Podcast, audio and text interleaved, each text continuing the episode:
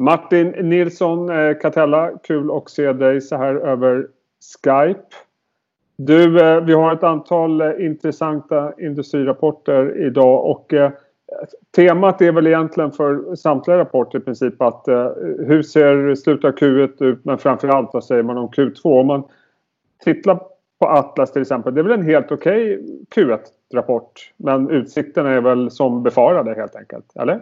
Jag tycker generellt sett att det är en ganska liknande bild. Jag tycker de samtliga rapporter som har kommit är faktiskt bättre än väntat idag på, på, på verkstad om de tar de stora. Eh, det, det, som har varit det viktigaste om man ska titta på aktiekursutvecklingen eh, på, på dagsbasis har ju varit eh, orderingången.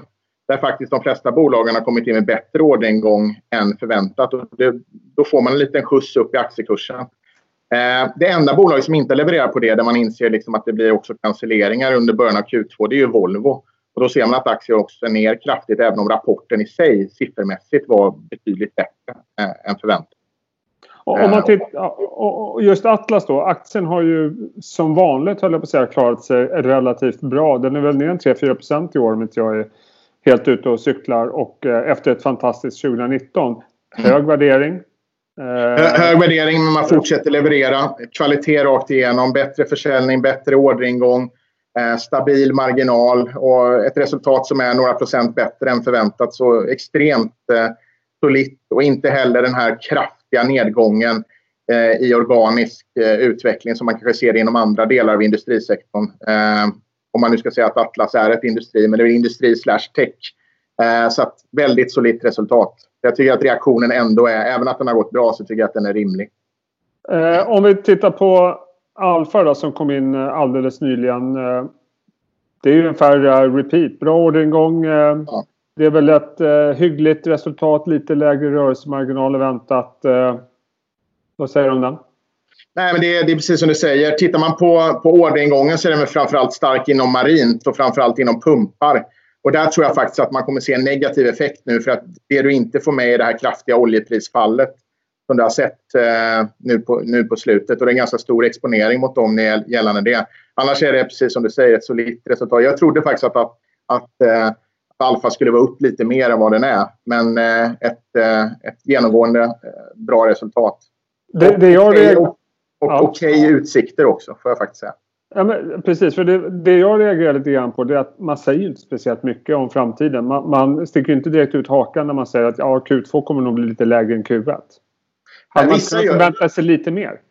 Vissa bolag gör ju det. Eh, tittar man på SKF som är dagens bästa eh, rent kursmässigt och också resultatmässigt. För det var en, en jättebit på över 30% bättre resultat eh, på den operativa delen. Aktien är väl upp över 6 så säger man att försäljningen i slutet av mars var ner 25 procent.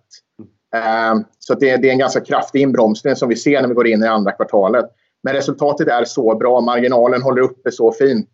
Och ehm, ja, det, jag tycker också de förtjänar det. Det är också kanske en av de billigaste aktierna i sektorn rent värderingsmässigt. Samma sak i Trelle. Det var väl eh, helt okej okay siffror där. Man spår eh, svagt Q2 förstås eller osäkra utsikter. Ja, de, de, säger ju det och det säger vi egentligen alla bolag. Men Trelle säger också att det kommer att bli dramatiskt mycket sämre resultat under, under andra kvartalet. Men resultatet i sig är jättestarkt. Det är 11% bättre än, än väntat och eh, bra rakt igenom. Eh, positiva är väl kanske att Wheels då, som har varit ett problem, problembarn med jordbruk, industridäck eh, börjar leverera, även om det är ganska små siffror. Sen är det den här delen som man har satt ut för försäljning, den här others. Och där, den delen går faktiskt ganska bra i kvartalet. Så det kanske man inte ska sätta någon jättepremie på just det eftersom det är kanske under avyttring. Men annars är det rakt igenom ett väldigt solitt resultat för, eh, för Trelleborg. Och dessutom så meddelar man ju i morse att man säljer en eh, enhet. Inte jättestor eh, signifikant påverkan på, på resultatet. Men, men, är det det här vi kan förvänta oss av Trelle framöver nu? Att det, det, blir ett antal... Man gör rent i, i bolaget helt enkelt? Nej, men det är det de har sagt. Men samtidigt har de ju sagt att om, om, om de, här, de här delarna som man har satt ut till försäljning, om de börjar leverera och kommer upp till en lönsamhetsnivå som är i linje med gruppen, eh, vilket krävs ganska mycket av dem för att göra det, då, eh, då är det helt, helt okej. Okay. Då kan de omvärdera det. Men som det ser ut just nu. Dock får man väl lägga till att, att sälja saker just nu är ganska svårt. Okay. Eh, anser jag, med tanke på den marknadssituation vi har. Det kanske drar ut lite på tiden, men, men annars ska det ju avyttras helt enkelt. Och du, eh, vi nämnde Volvo, eh, den aktien är ner idag. Alltså tittar man direkt på siffrorna rätt upp och ner så ser de ungefär ut som, tycker jag, övriga bolagen. Det är liksom helt okej okay sådär. Men vad är det som får den aktien att uh, tappa? Jag tror de var ungefär ner 6% innan du och jag började prata idag. Ja, nej, men det är ju det de säger att de, de ser ju då cancellering av ordrar eh, på, på, lastbilar.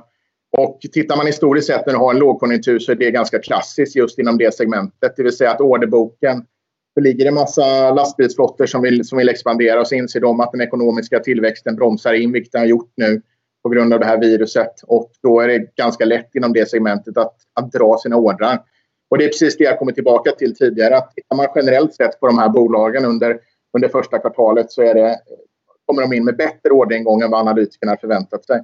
Och det ska jag säga är nästan den viktigaste punkten eh, i den här rapportsäsongen hittills. I alla fall idag för de här verkstadsbolagen. Men om man tittar, Volvo har ju länge varit en eh, favorit av många institutionella ägare. Och tittar man jämfört med Atlas så har kursen inte klarat sig lika bra. Värderingen är väsentligt lägre än Atlas. Hur ska man tänka kring den relationen efter det vi har sett idag och med tanke på hur marknaden ser ut just nu? Nej, men det är ju en mycket större cyklikalitet. Det ser man ju på, på utvecklingen i, i Volvo eh, än vad det är i Atlas. Eh, men tittar man på, på, på, vad Volvo säger också så kommer det ta ett tag, kanske ett halvår innan man har fått ner produktionsnivån och, och stabiliserat läget. Så det kommer vara säkert en svag Q2 och en svag Q3. Alltså kanske förhoppningsvis, vi vet ju inte hur världen ser ut i Q4 i år, men förhoppningsvis så, så kan det se bättre ut. Dock så är ju på, på något normaliserade vinster så är Volvos, så är Volvos värdering väldigt attraktiv kontra Atlas. Men Atlas är ju onekligen mycket mer stabil. Tycker du marknaden tar höjd för den här osäkerheten nu när vi går in i Q2 och kanske även Q3 vad gäller verkstad generellt? Mycket har man ju tagit ut, men, men vi vet ju inte. Jag menar, vi, vi lever ju vi lever ju i, eh, i ett land som ändå är öppet till viss del. Va? Men, men, för de här bolagen så är den svenska exponeringen ganska liten och ganska obefintlig. Det viktiga är vad som händer i andra delar av världen. Så på det sättet är vi lite, lite naiva på, eh, på effekterna. Eh, så vi, vi, får, nog, får nog vänta och se helt enkelt eh, vad som händer. Du, eh, ett helt annat bolag, en helt annan sektor och en klar coronavinnare om man får säga så. Det är Evolution Gaming som kommer in med rapport nu på morgonen. Eh, urstark tillväxt på topline, urstark resultattillväxt. Eh, marginalen bara ångar på. Din mm. känsla? Nej, det är urstarkt. Aktien har ju gått fantastiskt eh, i år också. Eh, och eh, lyssnar man på vad vdn säger så säger han att eh, de är vinnare också på det faktum att det inte finns någon livesport eller livebetting på sport just nu. Och då väljer de som spelar att spela andra saker helt enkelt. Men eh, det har inte slagit igenom så jättemycket i Q1 utan det kommer framförallt i slutet av Q1. Eh, tittar man på värderingen så är den ju liksom, det är, det är värderat som ett tillväxtbolagsaktie, ganska högt, högt värderat. Men ebit växer ju eh, betydligt mer än vad försäljningen gör och försäljningen är imponerande och då får du en marginalexpansion. Så att, eh, de har också haft lite problem med vissa nedstängningar av de mindre studierna under, under kvartalet men det verkar inte ha påverkats jättemycket utan eh, de, eh, ja, de fortsätter att leverera. Och, och den här eh, förslaget på nya spelregleringen som kom i morse i Sverige. Jag vet inte om aktien eventuellt har pressats lite av det under dagen. Men hur mycket... det, tror, det tror jag faktiskt. För att tittar man på de andra spelbolagen, även om man inte ska sätta ett lika med tecken, så, så pressas de onekligen av, av det faktum att, eh, att myndigheterna går, går hårdare åt den här sektorn. Eh, och jag, jag, tror att eh, till viss del att Evolution inte är upp idag utan faktiskt är nere en av anledningarna till, till det. Och du, eh, avslutningsvis eh, Martin. Swedbank kom i rapport nu på morgonen. Man gör förlust, stora kreditförluster som väntat. De har flaggat för det tidigare. Handelsbanken kommer gå med väsentligt lägre kreditförluster än, än väntat. Skulle du äga bank i den här miljön? Det är det, det som är det sköna med att eh, vara småbolagsförvaltare. Att, eh, eh, att vi, vi, vi behöver inte fatta det beslutet. Men jag, jag, tycker att bankerna är... de har utmaningar. De hade utmaningar även innan den här coronakrisen tittar man mot marknaden historiskt sett så är banker billig. Det går inte att komma, ifrån.